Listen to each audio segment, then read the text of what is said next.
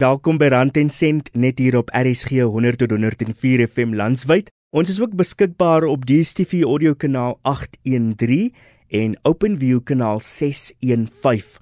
My naam is Craig Lee Smith en ek kuier saam met jou vir die volgende halfuur. Ons praat vandag oor hoe jy jou klein onderneming weer op die been kan bring om suksesvol te wees te midde van die pandemie. Soos gewoonlik is jy welkom om saam te gesels. Praat saam op Twitter, volg ons by ZARSG en gebruik die hitsmerk rand en sent. Jy kan ook 'n SMS stuur na 45889. Elke SMS kos R1.50. RSG, jou keuse tussen 100 tot 104 FM. Rikus Nel, 'n finansiële beplanner, kuier saam met ons vandag om te praat oor hoe jy jou klein onderneming gedurende COVID-19 weer op die been kan bring. Ja, ek ek dink ek die klein besigheid is is heel moontlik nog nie deur 'n fase soos wat hulle nou die laaste 18 maande is nie. Ek dink in ons geskiedenis het besigheidssektore al as 'n geheel toegemaak dat daar in 'n maand of 18 maande nie, jy weet nie 'n enkele rand se omset is nie. So ek dink besighede en spesifiek klein besigheid in Suid-Afrika was reeds onder druk voor Covid en uh COVID het eintlik vir hulle kom ons sê 'n uitdaging gestel wat hulle nog nooit voorheen teen getoets is nie. As jy nie omset het nie, is jou kontantvloei fisies nul. Wat beteken jy moet dit op 'n manier finansier en ek dink dit speel direk in die resultaat van die skuldvlakke wat ons op die oomblik sien in privaat ondernemings, klein besigheid en in die individu se se kapasiteit want ons moet onthou die twee is eintlik maar direk verwant aan mekaar klein besigheid en die individu is eintlik tot 'n groot mate dieselfde persoon wat die onderneming rigsteen. Rikus, hoe gemaak as klein ondernemings en bestuurders met hulle hande in hulle hare sit en sê ons weet nie meer watter kant toe nie. Ek dink die groot uitdaging en ek bedoel dis 'n uitdaging wat ons almal eintlik mee sit, ek self ook in in ons besigheid is dat as besigheidseienaar behoort die eienaar te fokus om op die besigheid te werk eerder as in die besigheid. En daar's 'n geneigtheid natuurlik soos wat druk toeneem dat die dat die eienaar betrokke raak in die dag tot dag bestuur, operasionele uitvoering van die strategie ensovoorts ensovoorts in plaas van om strategies te bly fokus. En as ek dit sê, die strategie met klein besigheid gaan altyd oor twee eintlik drie dele. Een is uh, die die sentrale deel is kontantvloei bestuur en daarmee saam gaan skuldbestuur want die oomblik as skuld met jou begin weghardloop, dan vreet dit al jou kontantvloei op. En dan die ander gedeelte wat baie belangrik is spesifiek met klein besigheid is die verhoudings. Ja, so verhoudings kan jy maar indeel letterlik. Eerstens is natuurlik jou kliënteverhoudings. Uh, dit is die verhoudings wat jou besigheid fisies, jy weet, laat draai met 'n inkomste stroom. Die ander gedeelte is natuurlik jou verskaffers wat help vir jou om 'n produk of 'n dienste op die tafel te sit. En dan uh ander verhoudings is byvoorbeeld jou kredietvoorsieners. Ons kan bietjie praat oor hoe funksioneer klein sake en en die kredietvoorsiening vir daai onderneming. En dan laastens uh natuurlik jou staf. Ja, jy kom terug na en jy rus eintlik tot 'n groot mate met 'n strategie, die dink, die die kop van die besigheid wat dan eintlik oorgelaat word aan individue en staf wat moet uitvoering bring in daai strategie. So daai verhoudings dink ek is sentraal om seker te maak dat die kontantvloei nie ineenstort nie. Hoe kan klein ondernemings hulle skuld bestuur maar nog steeds aan die gang bly? Jy moet onthou met besigheidsuitgawes, baie van daai uitgawes is vaste uitgawes. So met ander woorde, die besigheid verteer kontantvloei aan die agterkant. Die eienaar en bestuur moet verseker dat daar inkomste stroom aan die voorkant inkom anders tevrede die besigheid letterlik homself op. En dit is hoekom dit vir my belangrik is dat die persoon wie se besigheid dit is, absoluut fokus oor wat is die strategie om inkomste stroom en pipeline vir daai besigheid te bou want die die ander operasies staan nooit stil nie. Die staf moet betaal word, uh, die bedryfsuitgawes moet betaal word ensovoorts. Jy moet die inkomste stroom verseker ten alle koste.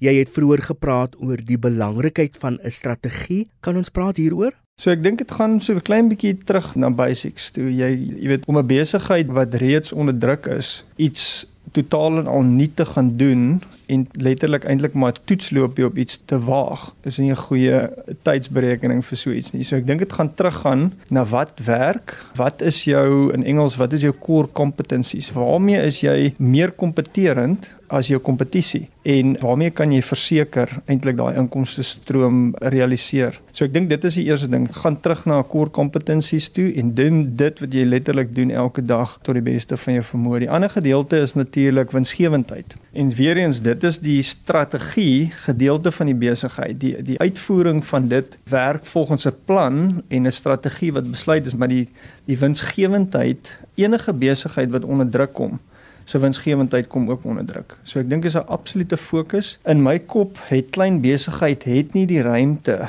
om vreeslik veranderlikes te kan absorbeer en die uitgawelyne dieselfde hou nie. En ek dink dit is hoekom ons soveel afleggings gesien het. Dit is een van die heel eerste goed en een van die heel grootste besparings natuurlik binne in sulke besighede is wanneer afleggings plaasvind. Uh, so ongelukkig is dit een van die van die resultate van so besigheid wat onder druk kom. As 'n ou kyk na byvoorbeeld die Amerikaanse ekonomie, dan dink ek doen hulle dit baie suksesvol.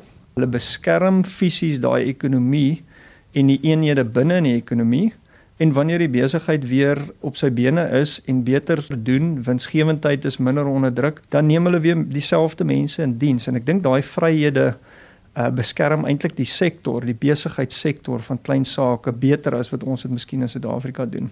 RSG, jou keuse tussen 100 tot 104 FM.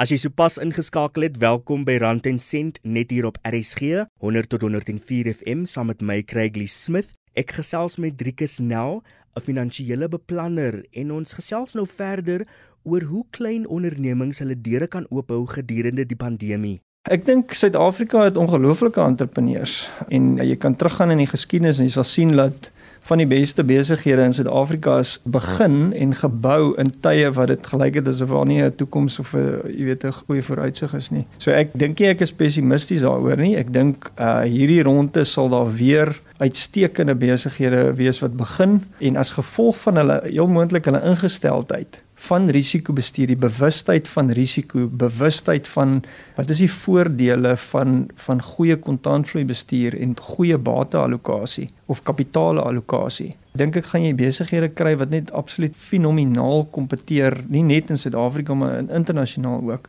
Ons moet onthou en ek dink dit is miskien iets wat ons osself anders voorstel. Ons moet onthou dat krisis is deel van ekonomiese siklus en dan gaan in die toekoms krisisse wees krisisse veroorsaak dat besighede wat reeds wankelrig is, jy weet uit die stelsel uitval.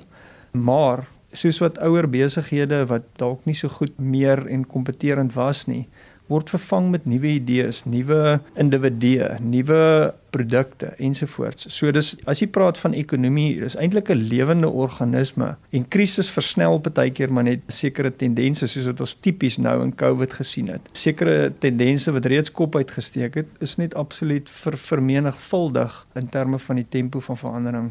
Hy moedig alle luisteraars aan om Suid-Afrikaanse besighede te ondersteun Dit is ontsettend belangrik. Dit is eintlik iets wat ons moet absoluut passievol wees om Suid-Afrikaanse besighede vorentoe te stoot. Ek was 'n tydjie oor see en ek kan vir jou sê dat dis definitief temas wat in ander lande geld of dit Amerikaans is of dit in Engeland is of dit in Frankryk is of dit in Italië is. Ek het gesien dat die mense is absoluut passievol oor hulle eie industrie en ons nie net ons verbruikers nie, ons regering spesifiek behoort industrie te beskerm en te bevoordeel eie plaaslike vervaardiging, plaaslike idees, daai navorsing en ontwikkeling ensovoorts.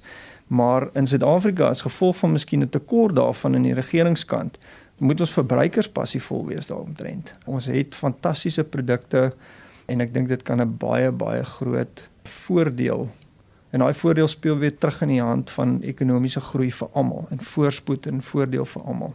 Rikus, ek wil nou by jou weet, hoe bestuur jy jou geld? Ja, ek dink konservatief. So, jy weet, ek dink in tye soos die en ek dink dit is hoekom ekonomie inkrimp en uitsit weer in tye van groter voorspoed. Ek persoonlik probeer so klein bietjie teen die tendens te wees. Met ander woorde, waar daar amper 'n 'n disregard, 'n vergeet is van risiko's, dink ek is dit belangrik om op die risiko's te let. En in tye waar waar dinge regtig, jy weet, slegte vooruitsigte het of blyk te hê, kan 'n ou dalk, jy weet, winskoope doen. So afhangend van wat jy waarvan jy praat, ek dink van 'n spanderingsperspektief dink ek konservatief, van 'n beleggingsperspektief dink ek opportunisties. Bemarking en sosiale media is een van die mees belangrikste dinge vir enige besigheid. Of dit nou 'n tweet is, 'n Facebook of Instagram inskrywing, dit lok tog mense na jou platform. Ek gesels nou met Rushen Petersen. Hy is 'n kenner in die veld. Ja, baie dankie Craig en my naam is Rushin Peterson. Ek is die founder van uh, Spot Media. Spot Media het begin in, in 2017 en uh, dit is 'n uh, besigheid wat bemarking metodes het vir besighede, small businesses, medium-sized businesses en uh, ons uh, services that we provide is uh, social media, video, micro ambassadeurs en ons uh, het vandag baie goed gedoen want ons werk ook met uh, baie verskillende besighede wat kom van die technology, uh, franchise, beauty, health uh, industries. Rushen, waar het alles vir jou begin? Ek het altyd die feeling gehad om ietsie te begin met 'n besigheid om 'n eie besigheid te hê. Maar die spot media het redig begin oor um research. So ek het toe ek studeer het, ek het besighede ge-interview en saam met hulle gepraat en toe vind ek uit dat baie besighede en die inwoners, the owners, hulle sukkel met tyd. Hulle sukkel met die inligting wanneer dit kom by bemarking. Ek dink dat besighede in vandag se tyd besef eintlik hoe belangrik dit is. Dit is belangrik want as jy wil iemand hê wat vir jou besigheid ken of, of weet wat dit is wat jy doen, dit is eintlik waar bemarking inkom. Watter wenke het jy vir besighede? Die eerste aspek wat uh, besighede kan vandag doen is miskien 'n uh, kompetisie. They, they can put together a competition and on social media and create something of value. So hulle kan eintlik dink, wat het hulle so, miskien net die besigheid, kom ons sê die besigheid is 'n klere besigheid. Hulle kan miskien uh, iets gee wat uh, for free of of something of value, run that competition on social media. En uh, dit is die eerste aspek. So ek dink 'n kompetisie is een en dit kan nie vir hulle baie bekostig nie. Um so they're going to save also at the same time. Die tweede aspek ek dink wat hulle kan en hoe hulle kan eintlik sosiale media gebruik is uh, micro-ambassadeurs. So micro-ambassadeurs is eintlik mense wat hulle het uh, groot uh, influence en uh, wat ek eintlik sê en altyd sê vir die besighede is kyk wanneer jy 'n micro-ambassadeur wil select when you want to choose someone make sure that you choose someone with less than 100,000 followers. Maak seker dat dit nie so baie is as uh, 100,000 uh, followers jy want at the end of the day they've got influence and people know them. So partner with them partner with the micro ambassador 'n micro ambassadeur en hulle kan eintlik jou produk gebruik en dan kan hulle dit uh, opsit op hulle sosiale media